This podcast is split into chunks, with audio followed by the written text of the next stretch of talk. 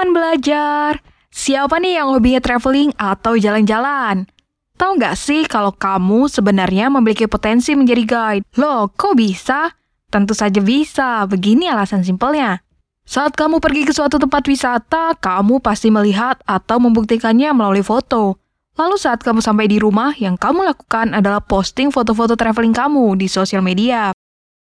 Pasti banyak teman kamu yang bertanya, di mana sih tempatnya? Kapan kamu ke sana? Tiket masuknya berapa ya? Betul kan? Itu tadi merupakan analisa sederhana. Artinya, untuk jadi guide mungkin sudah mulai dimengerti. Oke, lanjut.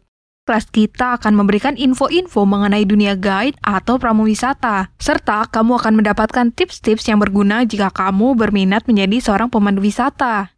Berbicara masalah guide, tak lepas dari koneksi dengan sejumlah tempat-tempat wisata.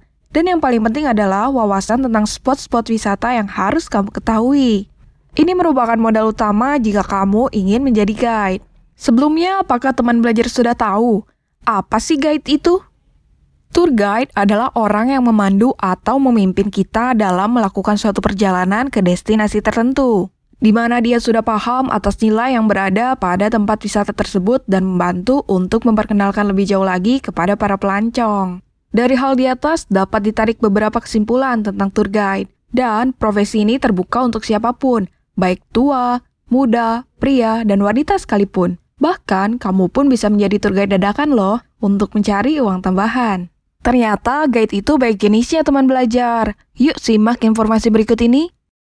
Yang pertama, berdasarkan luang lingkup kegiatannya. Ada transfer guide, walking guide atau tour guide, local atau expert guide, common guide, dan yang terakhir adalah driver guide.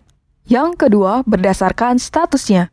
Ada payroll guide, part-timer atau freelance guide, member of guide association, government official, dan yang terakhir adalah company guide.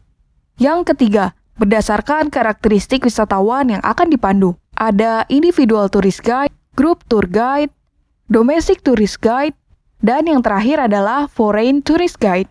Nah, sekarang teman belajar sudah tahu kan apa itu guide atau pemandu wisata?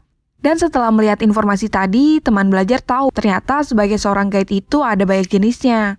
Semoga informasi tadi bermanfaat ya. See you teman belajar.